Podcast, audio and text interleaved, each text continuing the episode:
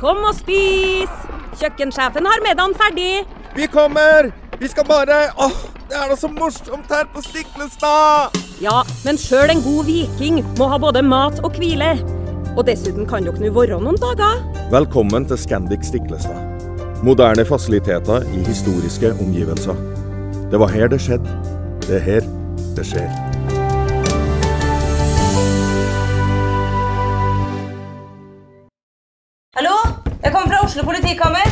Ine Jansen er purk. Er du purk? The motherfucking bitch. Alt jeg vil, er å finne ut hva som skjedde med mannen min. Jon Carew. Er jeg sikta for noe? Iben Akeli. Det er du. Ole So, Lars Berrum og Big Daddy Karsten. Hvem sin side er du på, egentlig? Anette Hoff, Tone Danielsen, Kommer du fra Afrika? Jørnis Josef, Nesten. Kløfta. Trond Espen Seim, Det er synd å si det, men det var feil mann som døde. Purk. Premiere tirsdag på TV2 Play.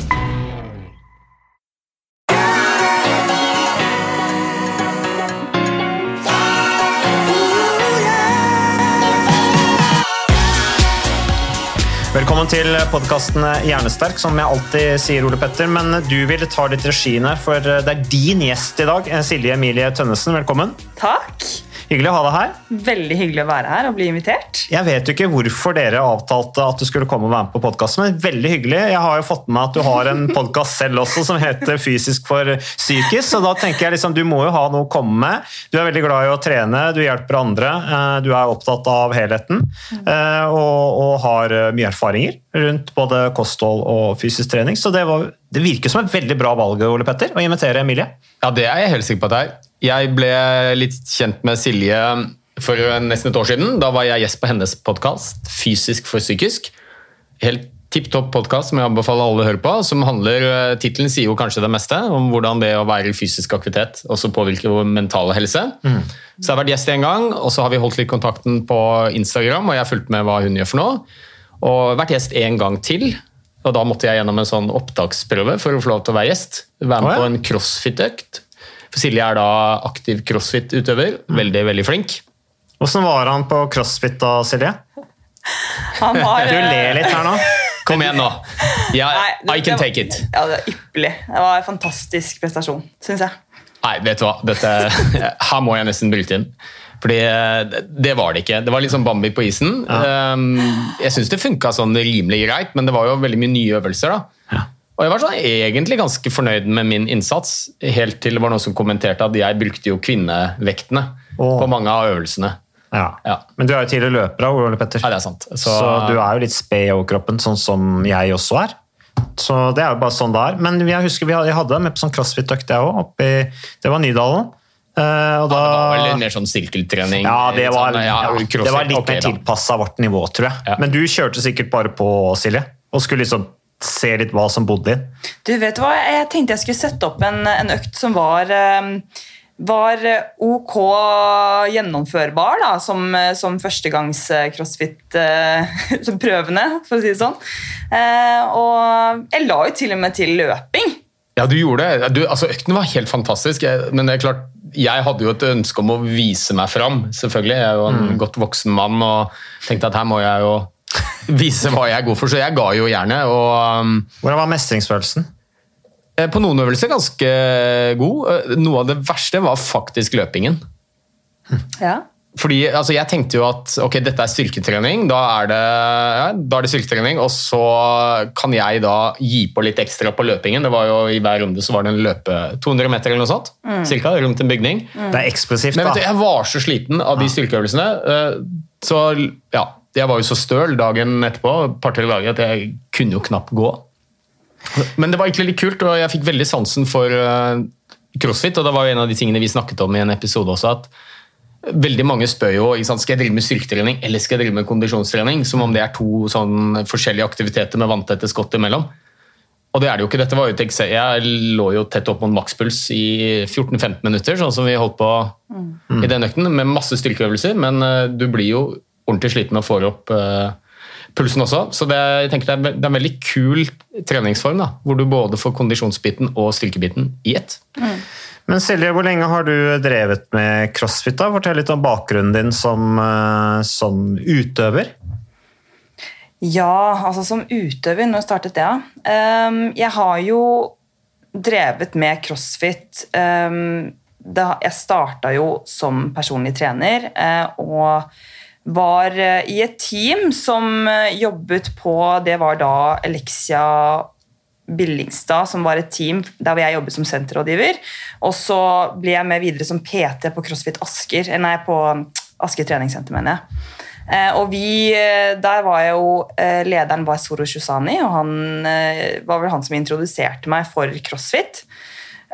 Og det var vel i 2013, men det var da på et treningssenter hvor vi bare vi gjorde noen innslag av crossfit eh, her og der. Eh, og så begynte jeg på en crossfit-boks i 2015 på CrossFit Samvika. Og så har jeg blitt der siden, siden da. Eh, jeg har alltid vært utrolig drevet innenfor sporten. sånn Jeg har alltid syntes det har vært utrolig interessant og utrolig variert. og det er bare, Man blir bitt av basillen, rett og slett. Det er veldig mange som sier det innenfor crossfit-miljøet. Eh, så ja, hva skal jeg si? Hvor er det det starta? Det starta jo rett og slett bare med at du er i et miljø der hvor du merker at du har mulighet til å hevde deg. Jeg kom jo inn som veldig sterk, så det jeg trengte å trene mye på, var kondisjon og, og gymnastics, altså turning, turnelementer. Så det ble jo eh, mye opp og ned og frem og tilbake og litt sånn eh, Mye som skjedde opp gjennom årene, føler jeg. Det har liksom ikke vært noen lineær progresjon i forhold til eh, hva jeg har tenkt at jeg skal gjøre. om jeg, det er konkurransedrevet sport, det er det jo. Men jeg har jo ikke vært helt sikker på om jeg skal drive og konkurrere innenfor sporten. fordi det, det er jo ikke det som egentlig gjør at jeg trener, da. Har du noen bakgrunn fra idrett, og hva er liksom bakgrunnen din fra trening og idrett før det? Eh, Jeg spilte håndball som liten, eller som liten, eh, både som barn og i ungdomsårene. Og så begynte jeg vel, så hadde jeg et langt opphold av forskjellige grunner, bl.a. blant annet eh, spiseforstyrrelser. Så begynte jeg da på treningssenter etter det, og det var da vanlig styrketrening i apparatet, selvfølgelig, eh, på Lexia da. Det var vel da jeg var sånn 18, tror jeg. Men du kom inn i senteret med spiseforstyrrelser, eller? Nei.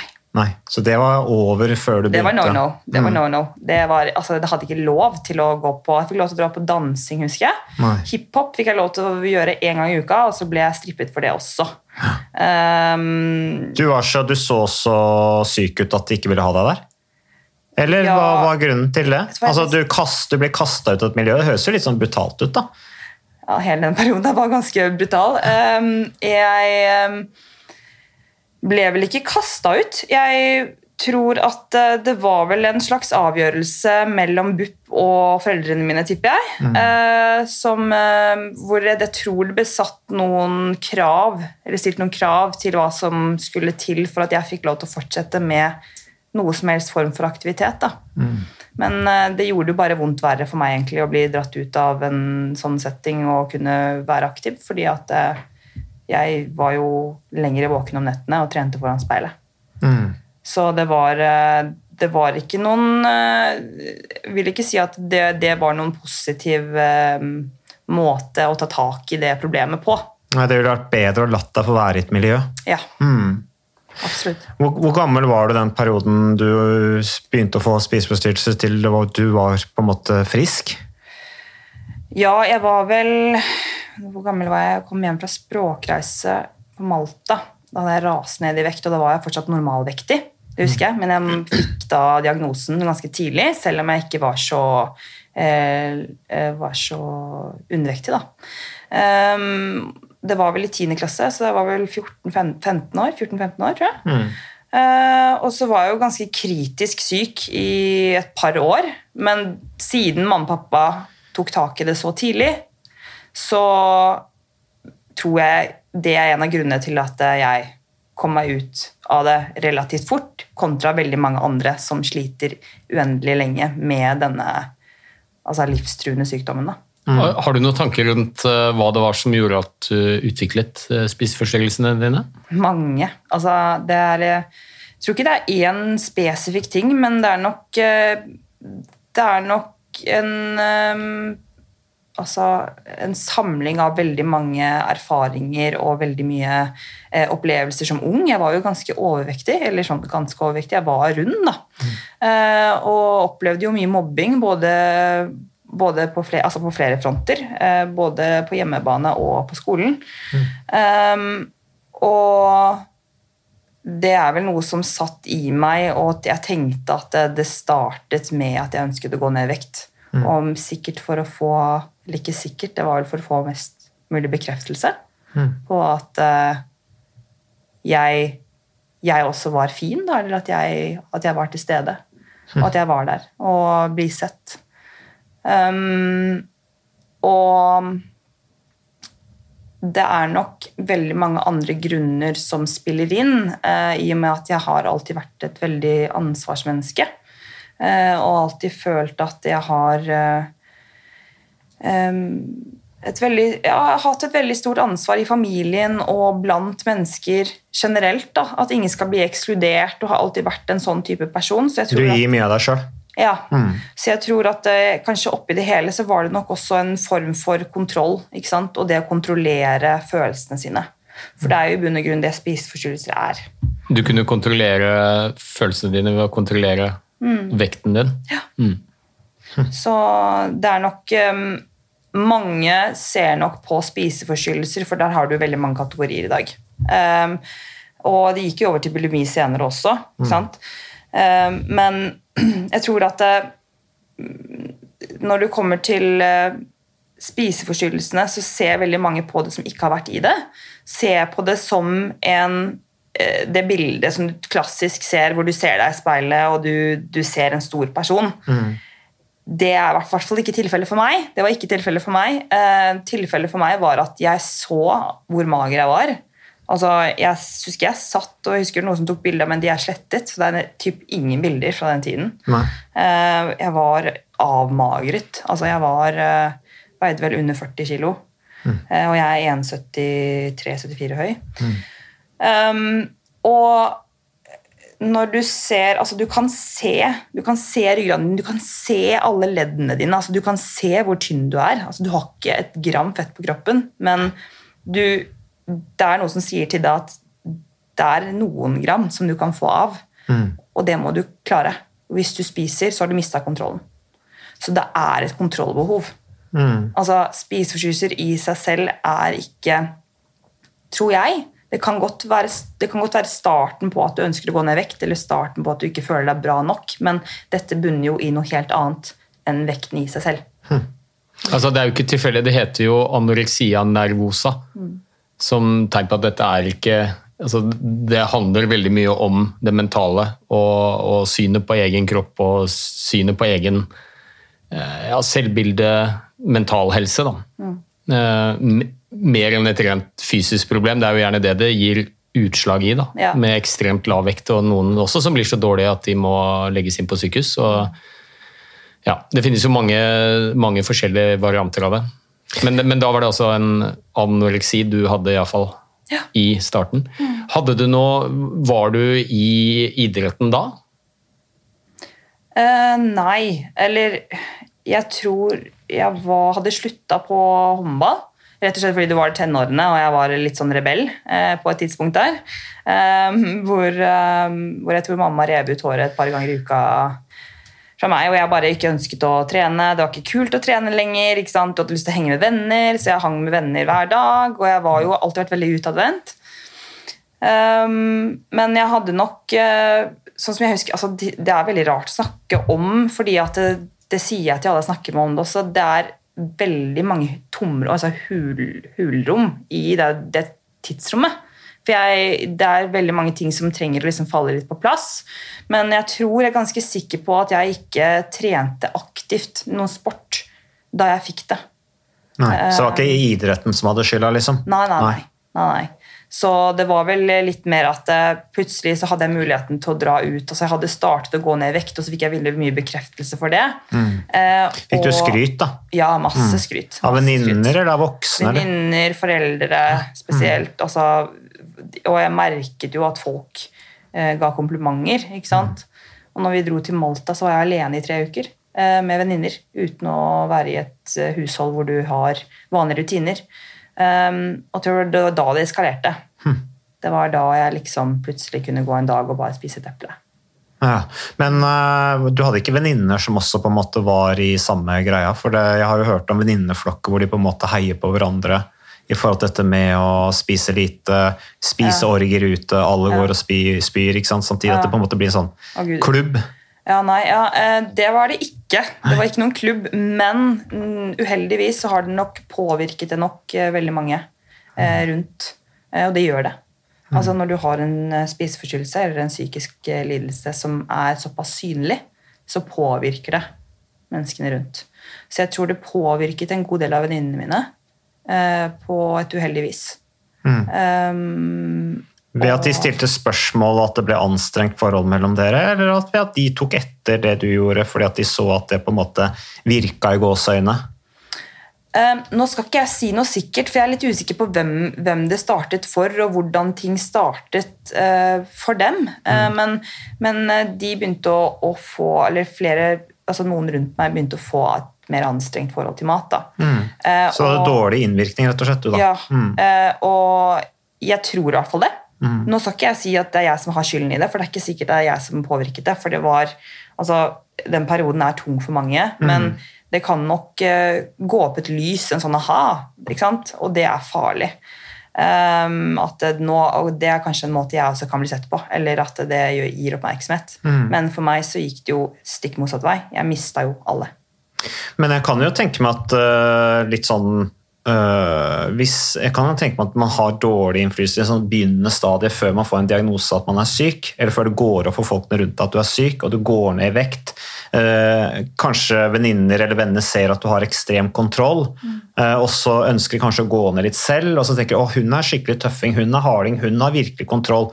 Hvis hun gjør det, så må vel kanskje jeg gjøre det samme, uten på en måte å ja, at de får dårlig mestringsfølelse selv da, ved å se andre mestre på en måte det der, den kontrollen da, over matinntaket. Ja, det er mestring. Det, Ja. er, det blir jo på det på et plan. eh, Men det, det er jo det jeg snakket om også, dette kontrollbehovet. Det, det som skjer, er at at du har mistet helt kontroll.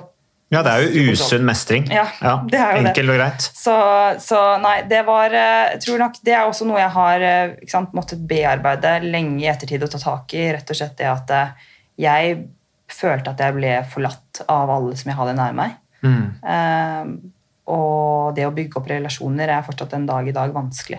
Ja, for de syntes det var uh, litt sånn rart å være sammen. For at du, alle skjønte du var syk, og så ville de kanskje, ville de kanskje ikke vedkjenne seg Mm. å være i nærheten av syk. Jeg har jo hørt det samme også om kreftsyke barn. Ja. eh, Som plutselig ikke har blitt invitert bursdager. ikke sant?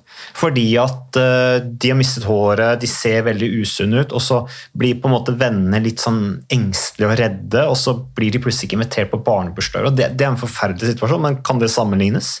Ja, absolutt. Uh, det er jeg, kan ikke, altså jeg kan ikke tenke meg noe verre. Jeg husker bare hvordan, hvordan mamma var og aldri sett henne så nede.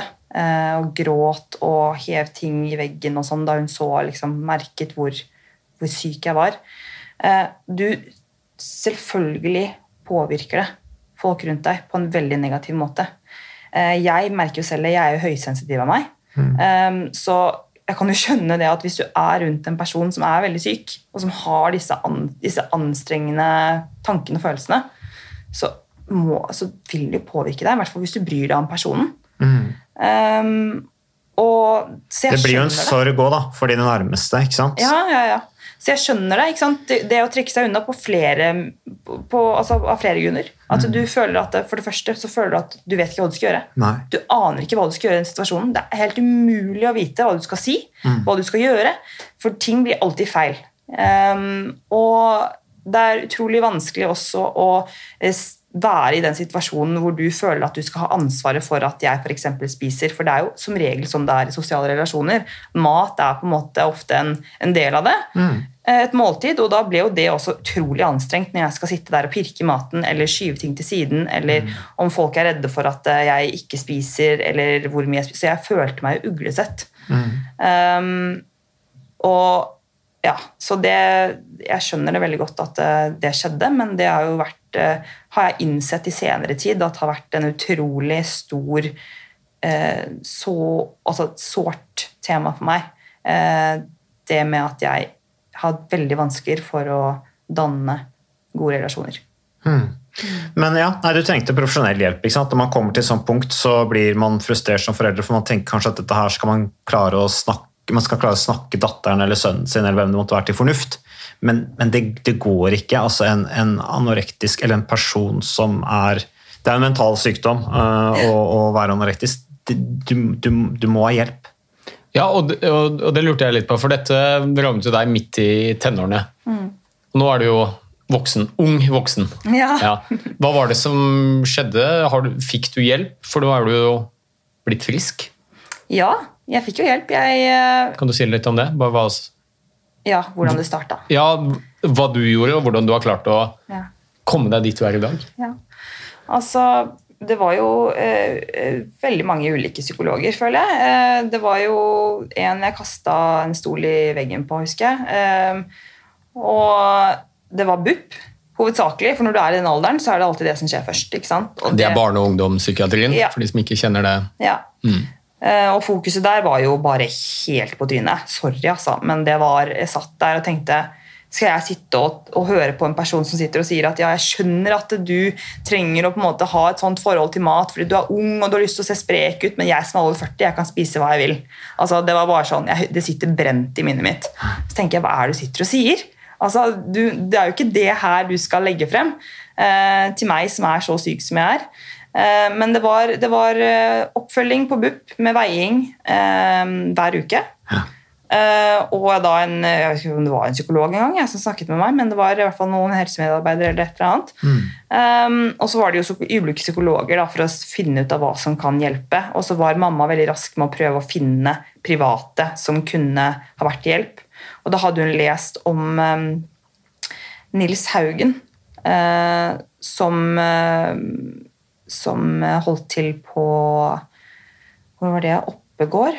Kan det stemme? Det var i hvert fall eh, et stykke forbi Oslo. Eh, og da kjørte hun, da valgte hun å kjøre meg dit hver torsdag, husker jeg. Og det var det som begynte endringsprosessen min, tror jeg. Etter mange ulike besøk. Men det var da en NLP-coach. Okay. Som, som da han, han var den første jeg hadde kommet til på en god stund som ikke hadde fokusert på maten. Nei. Han hadde fokusert på mer ikke sant? Det handler jo om selvtillit. Det handler om å få eh, en følelse om at du er god nok som du er, og, og prøve å bygge opp selvbildet ditt. da. Eh, så da brukte vi mange forskjellige bilder. Ikke sant? De snakker veldig om bilder og metaforer og veldig mye sånn, sånn type teknikker. Eh, og det var nok det som startet å hjelpe meg, og så var det da etter det en eh, som jobbet med meg som NRP-coach, som kom hjem til meg. Det var det jeg startet å få bulimi. da som jobbet meg, hjelp, hjalp meg ut av det. Ok, så, for, så den bulimien kom på en måte et, etterfulgt av anoreksien? Ja. Ja, nettopp. Da, men det var, altså, det var i starten, så var det jo veldig mange trodde jo at jeg gikk inn på do for å, for å kaste opp da jeg var eh, anorektisk. Men det jeg gjorde, var faktisk å gå inn på do og trene etter et måltid. For da visste jeg at jeg visste det var bra å bevege seg ti minutter etter at du hadde spist. Så hvis jeg hadde spist, så gikk jeg og bevegde meg, men det var ingen som trodde på det. Jeg trodde jo bare at jeg gjorde alt mulig annet. Men det var da jeg begynte å få et sånn insentiv til at å ja, men kanskje jeg skal begynne med det, bare fordi at eh, hvis jeg viser folk at jeg spiser, så kanskje de vil la meg være. Ja, Men du skulle forbrenne det kjapt etterpå? Så da var treningen var en slags fiende for deg, da?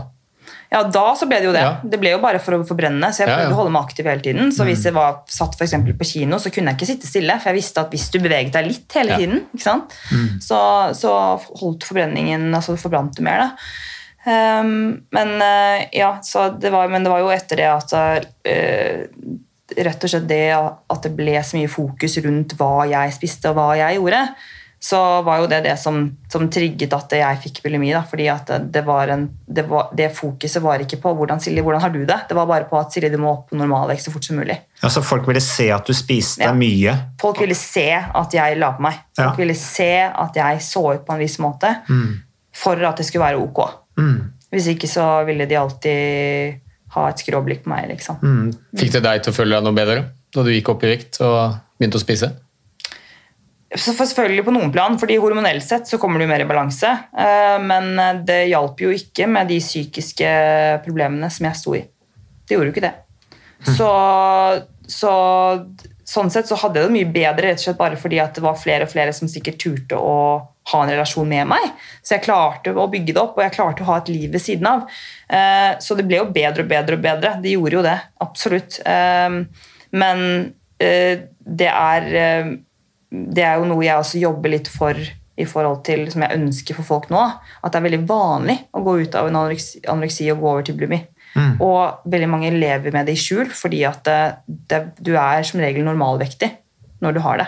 Det er, mye, det er mye lettere å holde en bulimi skjult enn en Ja, an- ja, anoreksi. nettopp fordi, fordi Ja, du, du ser normalvektig ut. Ja, Mm. nettopp. Så, så, men der også så bruker du egentlig bare maten for, som en sånn eh, beskyttelse emosjonelt.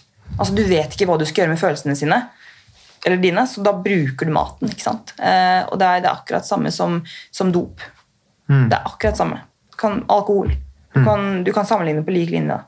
Ja, det er dopamineffekten som du har Ja. snakket mye om, Ole Ja Petter. ja, ja. Mm, så det- den blir du avhengig av. Ja, og, og, og det er jo faktisk sånn at uh, vi- ser jo, skal prøve å ikke generalisere for mye, men uh, relativt en stor andel av de som utvikler anoreksi, hvis man kan si noe sånn, se på noen sånne fellestrekk, da, så er det ofte eh, Det er jo flest jenter, men det er også ganske mange gutter, og der er det kanskje enda større mørketall også på spiseforstyrrelser, men det er jo gjerne folk som er veldig ressurssterke, veldig flinke, og setter veldig høye krav til seg selv og har et behov for kontroll.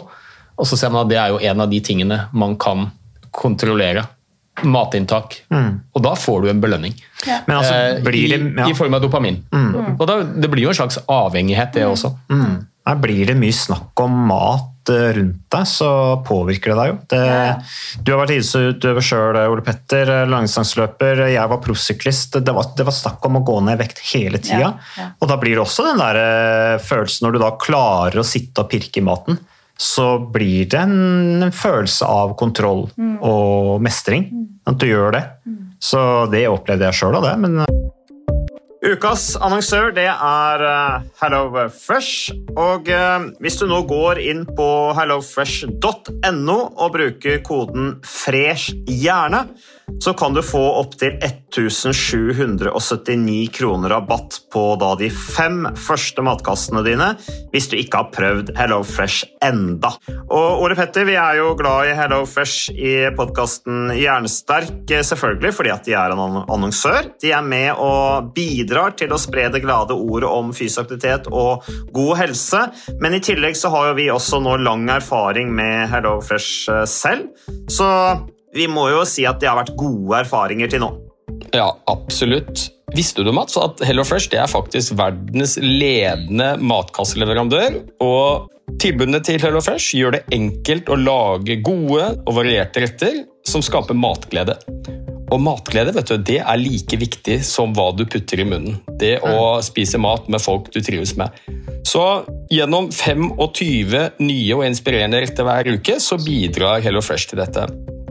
Du kan bestille ekstra porsjoner om du får gjester, eller hoppe over uke hvis du f.eks. skal bort. Og Det er ingen bindingstid, og du velger leveringstidspunkt og dag selv, så leverer HelloFresh matkassen din akkurat når det passer deg. Ikke dårlig, Mats.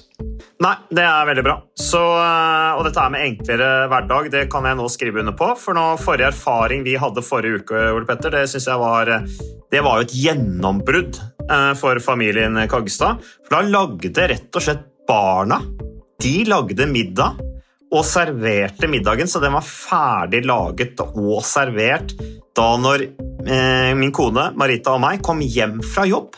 Og jeg mener Det var jo bare helt utrolig. Eh, Det var helt fantastisk. Det ble en nydelig middag. Riktignok de, de, de, de roter og søler litt, det gjør de. Så, men, men maten ble veldig god. De var veldig stolte over å kunne å ha både laget og servert maten, så det var helt fantastisk. Så vi har jo da i det siste så har vi eh, spist eh, bl.a. sitron- og dillstekt hyse med ovnsbakte grønnsaker og aioli. Eh, Vi har spist middelhavsinspirert kylling. Taco, så finnes det mange ulike typer taco. F.eks. vietnamesisk taco, som vi har spist. Thailandsk vegetargryte. Veldig riktig og sunt eh, i dagens eh, samfunn med, med fokus på bærekraft. hvitløk og chilistekte reker i spagetti, det var definitivt en vinner.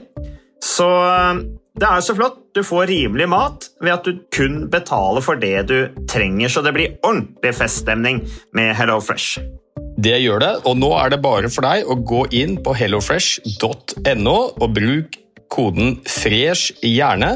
Da får du opptil 1779 kroner rabatt på de første fem matkassene dine, hvis du ikke allerede har prøvd HelloFresh. Du kan også bruke rabattkoden hvis du har stoppet abonnementet ditt for tolv måneder siden eller mer. Er det noe å lure på? Håper maten smaker godt. Bon appétit!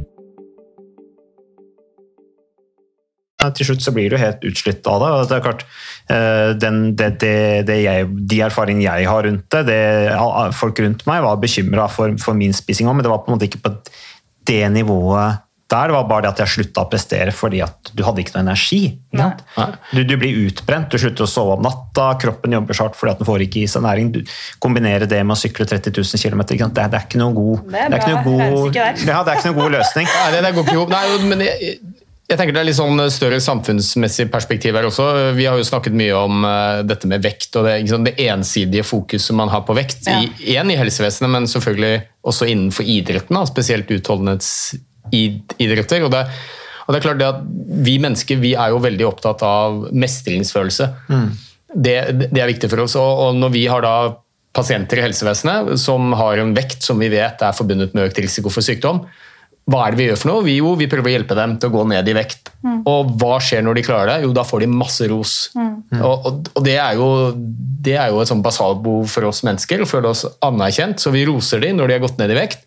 Eh, og så gir det en mestringsfølelse for dem. Og det er klart at det der kan fort tippe litt over. Mm. Og det er derfor jeg snakker mye om å prøve å endre fokuset fra vekt til, til helse. Mm. Eh, ja. Fordi vekta de sier egentlig veldig lite om deg som person, den sier veldig lite om helsa di nødvendigvis også. Mm. At vi, vi, heller prøver å vri fokuset over på, på helse istedenfor vekt. For det er, er, jo en del ting som er forbundet med det å f.eks. skulle spise veldig restriktivt, enten det er fordi du har en spiseforstyrrelse eller fordi du skal prøve å gå ned i vekt. Mm. Så du fjerner mye av gleden ved mat.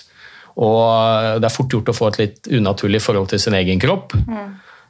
Som, det er ganske massive bivirkninger som folk drar med seg ofte resten av livet også. Så, og det samme med idretten. Og det er jo masse eksempler. Du har vel eksempler selv også, Mats? Fra hvordan det, hvordan det er å være proffsyklist? Ja, altså det, er, det, er, jo mye av det i, i sykkelstole, for det skal være lett i bakken. ikke sant? Og det er, det er jo watt nå er det Du har wattmålere som måler alt mulig, ikke sant? og watt per kilo. Klart, da må du veie minst mulig. Ja, ikke sant? Det er et sånt begrep. da. Ja. Og Er du på et visst tall, så presterer du deg i toppen. Altså, det er sånn, Når du et visst tall, 6-7 watt per kilo, så, så, er du med å kjempe om seieren i Tour de France. Det er så enkelt. Liksom. Uh, og, eh, og, jeg bare tenker på uh, dette med, med, Tilbake til det der med, som du nevnte, Ole Petter, det med helse kontra vekt. Nå er det jo veldig diskusjon om det igjen. Uh, hvordan opplever du det der at det er dette slankeprogrammet Et fett liv som gått på NRK har blitt diskutert mye, vi har snakket om det allerede i podkasten her også.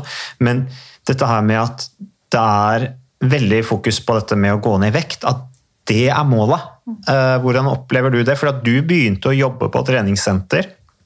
Men var det ikke en da frykt for at du som da hadde vært så syk, at du skulle gå i et sånt miljø, at det kanskje ville gjøre at du ble dårlig igjen? Nå ble det to spørsmål i ett da, men allikevel. Ja, ja. du, du, kan bestemme selv hvor du vil begynne. oi, oi, oi. Ja, nå, nå, er det mye som skjer oppi hodet. Um, ja, det jeg skulle si sånn i stad også, for å fullføre litt det med med det som skjedde, det er jo rett og slett at vi starter i feil ende. Eh, ofte, Altså Det som Ole Petter snakker om i forhold til de som skal gå ned i vekt, og trenger å gå ned i vekt for helsa sin skyld, det er jo én ting. Men kanskje da først og fremst starte med hva som skjer i hodet, og hva som har skjedd i hodet, som gjør at de er overvektige som gjør at de er der de er. Fordi at Det at du tar tak i det problemet først og fremst da, da gjør det at de klarer kanskje å bygge opp et uh, godt selvbilde som de ikke har hatt, eller en selvfølelse som de ikke har hatt tidligere. Fordi du skal ikke måle vekt eller formen din eller hvordan du ser ut, opp mot verdien i deg. da. Uh, og det er jo ofte det vi har begynt å gjøre, at vi har begynt å måle verdien i hvordan vi ser ut.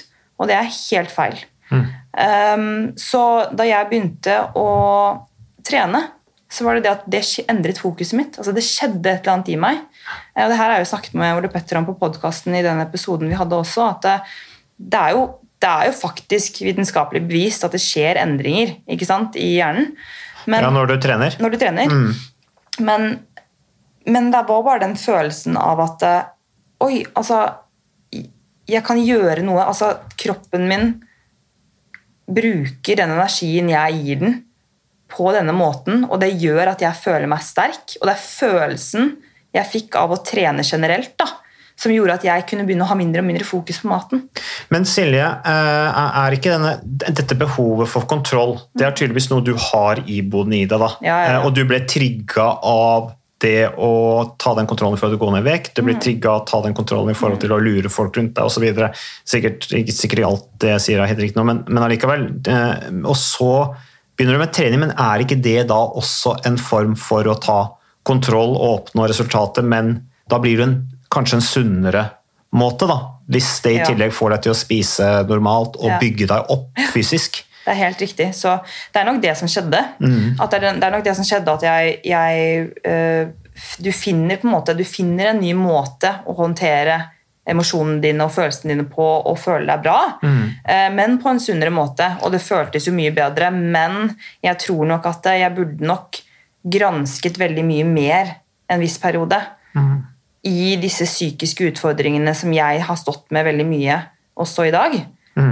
Eh, Som sitter i meg, som For, jeg for det er jobber med. tydeligvis noe du, må, det er tydeligvis noe du har iboende i deg, som du Ja. må få ut på en eller annen måte, Ja, ja, men at dette her er en måte som i hvert fall ikke er ødeleggende for helsa di. Da. Mm.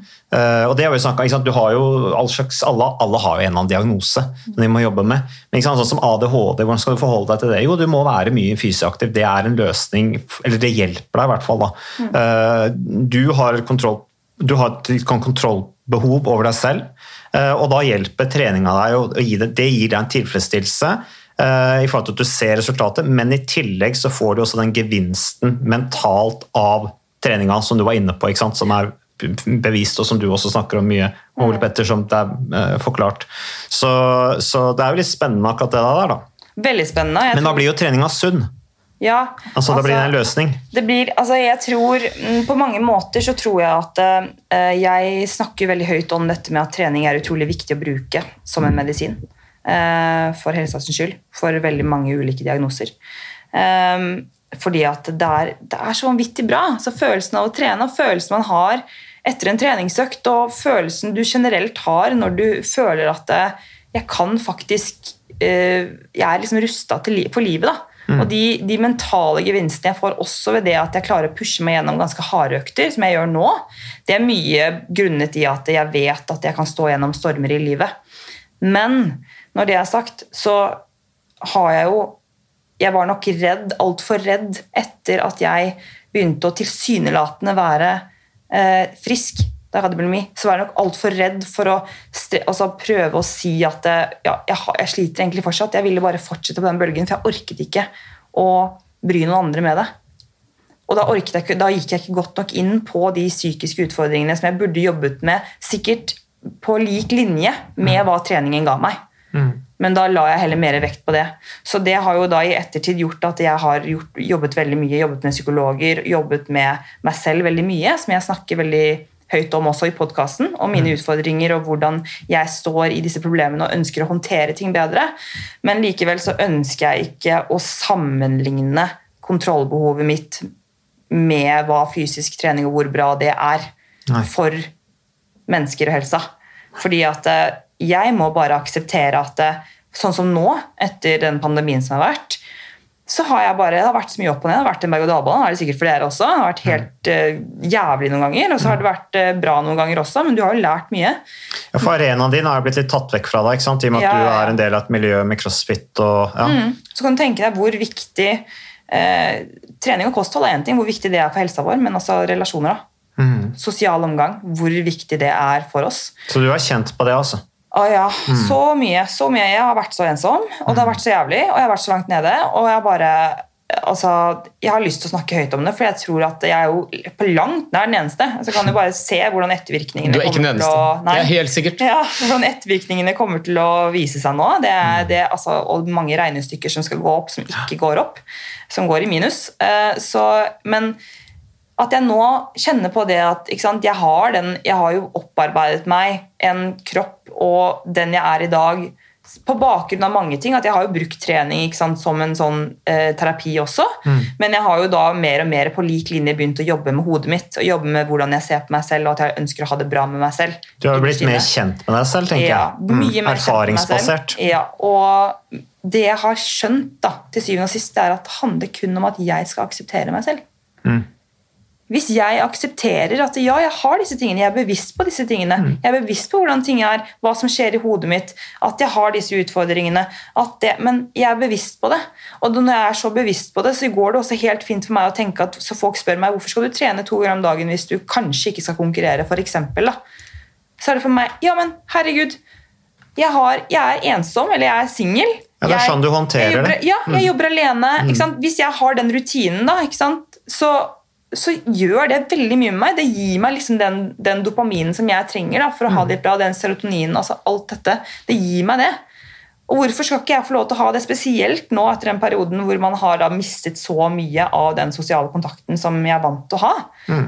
Så jeg, jeg tenker at det handler kun om den aksepten, og så lenge det ikke er noen som, som, som du skjønner er, sliter veldig mye, du kan se dem på dem, og så lenge du er åpen om at du kan alltid snakke med mennesker om problemer du har, uansett hva det måtte være, og du kan reache ut, fordi at alle har våre utfordringer, men at det handler om det rett og slett at vi må slutte å tenke så mye om og men, men heller prøve å tenke seg inn i oss selv og bare aksepterer du det livet du lever nå.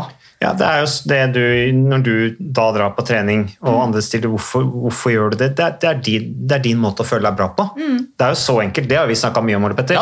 Når jeg er trøtt og sliten etter jobb og har lyst til å legge meg på sofaen, Mm. men jeg føler meg bedre hvis jeg får trent. Ja, men da er det mange som kan si at du er syk, ikke Ja, sant? ja, men Det kan jo godt tenke er liksom- ja, ja, men det det er er, sånn min det er. måte å få positiv energi på. Det er min måte å gi altså Da gir jeg mer av meg selv etterpå. Man Kan tenke seg jeg er syk, hvem veit, men det er sånn jeg føler meg bedre på. da. Eh, og I tillegg så veit jeg at det er sunt. Ikke sant? Ja, så er det noe med at eh, Fokuset ditt er ikke prestasjon, det er ikke vekt. Men, men vekt og prestasjon er et resultat Ja. av det du gjør, men det er ikke derfor du gjør det. Nei.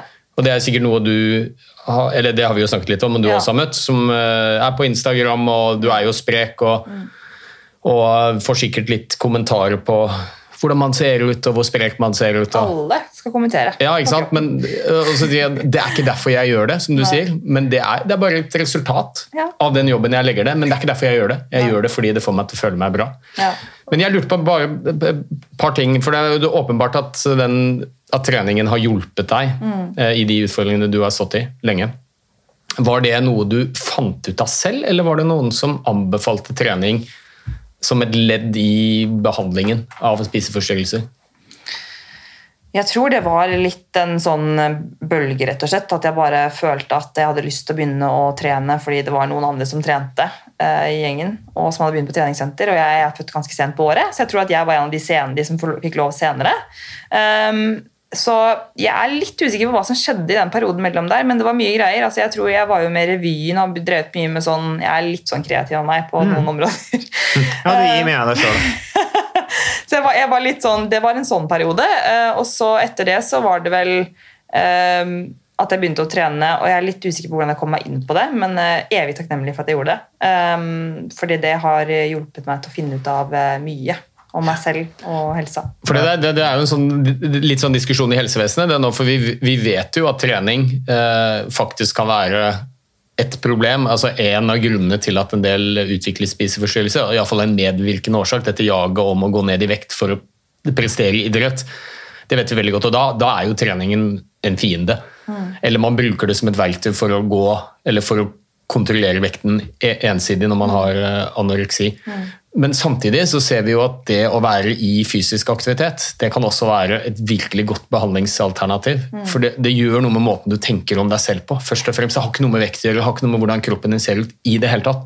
Men det handler om følelsene dine, og du er bedre til å regulere de, du får et bedre og mer positivt selvbilde, som jo er litt av kjernen i hele problemstillingen. Ja. Så, jeg- så jeg er jo litt eh, bekymret når jeg hører om uh, pasienter som har hatt spiseforstyrrelser, som får treningsnekt. Ikke sant? Det tenker jeg også. Trening har vært en grunn til at du har blitt syk. Du må holde deg unna Mm. trening. og Da tror jeg kanskje mer det handler om at du må prøve å få treningen til fra å ha vært en fiende til å bli en venn. Mm. Og Da handler det om å ha et helt annet fokus. Du trener ikke for å gå ned i vekt, du trener kanskje ikke for å prestere heller, men du trener fordi det er viktig for å ha det bra. Ja. Rett. Og det er jo en vanskelig, selvfølgelig en vanskelig vei og en vanskelig altså, Det er vanskelig å vite hvor du skal starte med en person som er såpass syk. Eh, fordi at du vil jo ikke være Du vil ikke trå over noen strek i forhold til hva denne kroppen tåler heller. Men likevel så er det så utrolig altså Den gevinsten det mentale gir deg i forhold til selvtilliten, som det er veldig viktig å øke et, på et så kritisk punkt i et et liv, da så tror jeg at treningen er et utrolig nyttig verktøy. Eller fysisk aktivitet, da. Ja. Generelt å være fysisk aktiv på en eller annen måte. Bare at det kanskje da må være i litt mer restriktive linjer i forhold til de som er eh, veldig syke og trenger å gå opp i vekt sårt. da. Ja, da, og, det, og det er derfor jeg tenker at dette her bør inn, inn i helsevesenet. altså Det må Ja, struktureres, og man må få skikkelig hjelp, hjelp med det. Men Man kan ikke forvente at dette er noe man skal klare å finne ut av helt på egen hånd. Så Det er også noe som forundrer meg litt, at dette ikke i større grad er blitt en del av standardbehandlingen. da.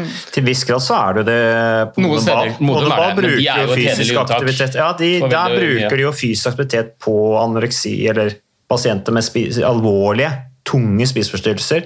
Vi hadde jo Ingeborg Senneset i podkasten vår som snakket om også fysisk aktivitet, at det var, det var bra, men hun kunne ikke holdt på som du gjør, med reps og kilo og sånn, fordi at hun forklarte på podkasten hvor hun blir så systematisk at hun blir helt opphengt i det systematiske. Da.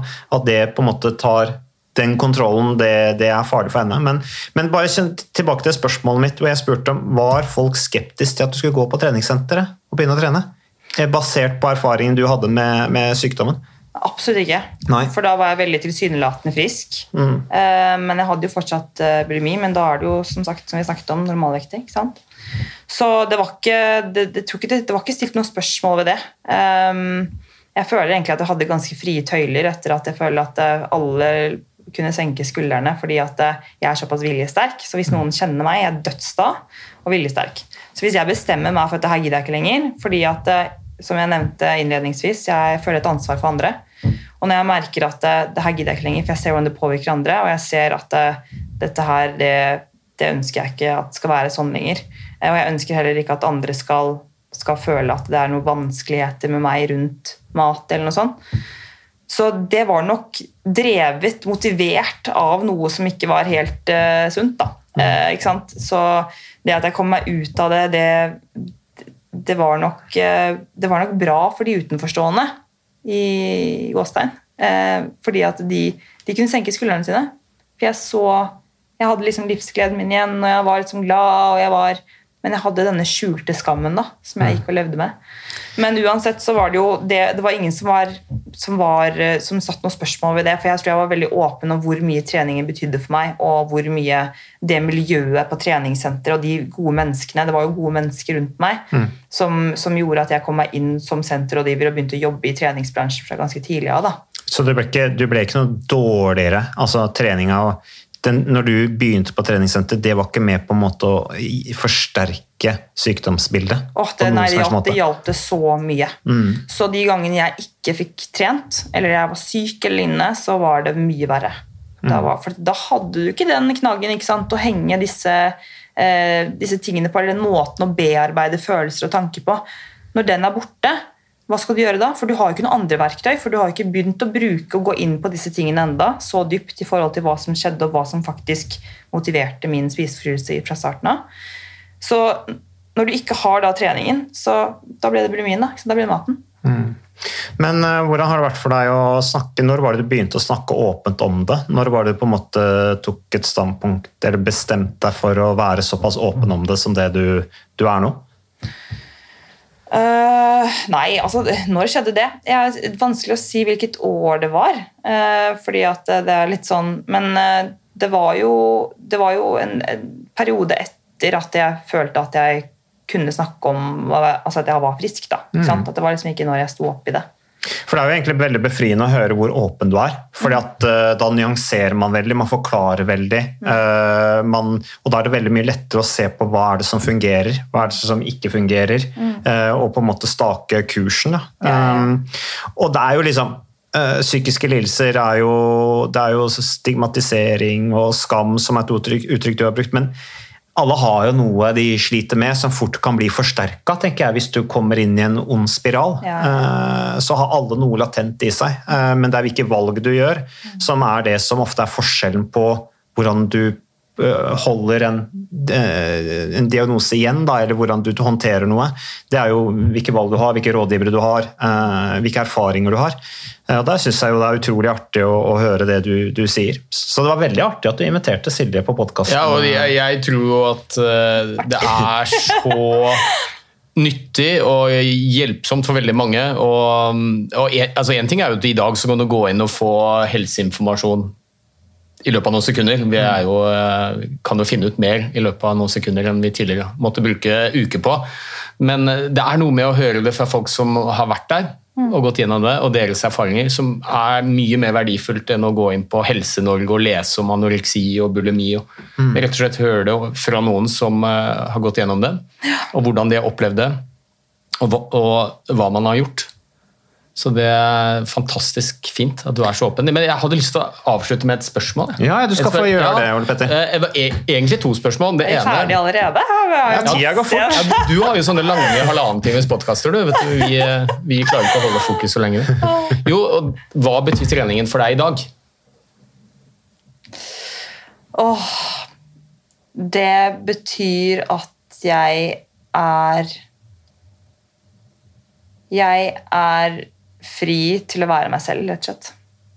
Jeg ehm, Treningen for meg i dag, det gjør at eh, Altså, det er Jeg vet ikke hvordan jeg skal forklare det. det. Det jo Man sier jo at det ikke er trening er ikke livet, men det gjør jo livet så mye bedre.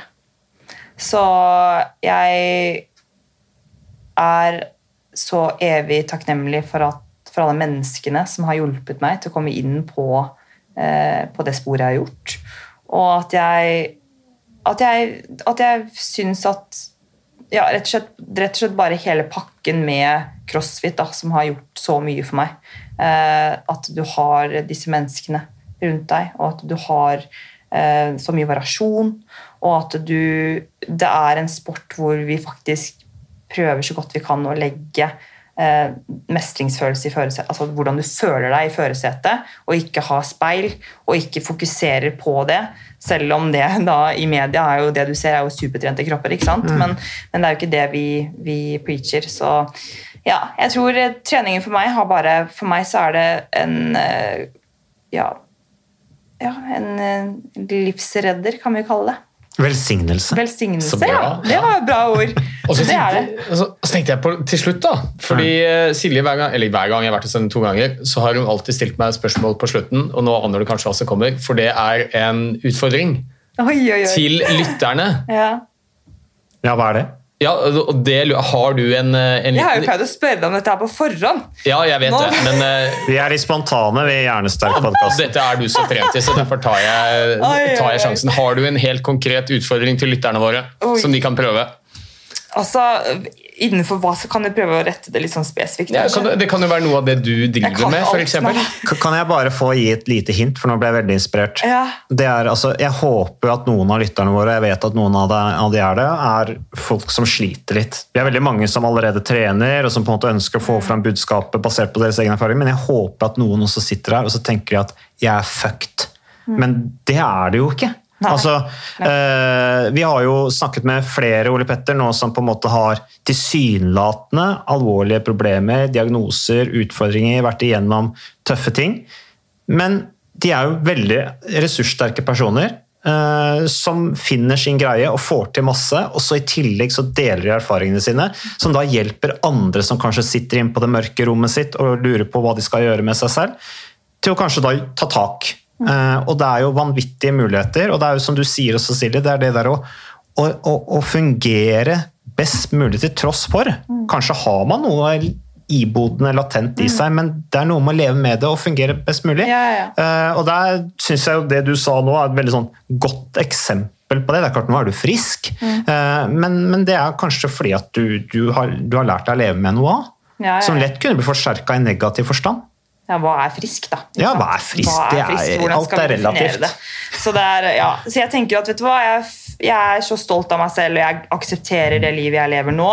Og kroppen min den endrer seg fra dag til dag i forhold til hormonell balanse og det ene og det andre. Ikke sant? Ja, men jeg aksepterer det livet jeg har nå. Det er jeg superhappy for. Eh, Så det jeg ønsker, er jo bare at eh, flest mulig kan, kan vite at det, du må ikke se på dette her som en sånn evig lang og altoppslukende prosess som gjør at det, du skal fra A til B fortest mulig. Du kan faktisk ta med deg noen av disse tingene som har gjort at du får en spiseforstyrrelse, uten at det nødvendigvis skal bety at det, du ikke kan ha det bra. Så det viktigste er bare det ene steget. Og det ene steget er for det første å bare være bevisst på det selv. Og føle at ok, hva kan du akseptere ved deg selv? Hvordan vil du ha det? Der har du utfordringen. Ta steget. Ja. Helt nydelig. Tusen takk for at du hørte på podkasten Hjernesterk. Eh, tusen takk til deg, Silje Emilie, for at du kom hit på podkasten. Takk, Ole Petter, for at du eh, var med og bidro som alltid. Og så kan vi jo anbefale da podkasten Fysisk for eh, Nei, jo, Fysisk for psykisk også. Så Den kan vi kan høre mer om deg. Da blir det mer sånn halvannen times eh, podkaster. Ja, det, er ikke, det er alt mellom 40 og 1 time og 20 minutter. Men vi kan snakke med for det er utrolig artig å snakke med deg uansett. Takk for at du lyttet på podkasten Hjernesterk.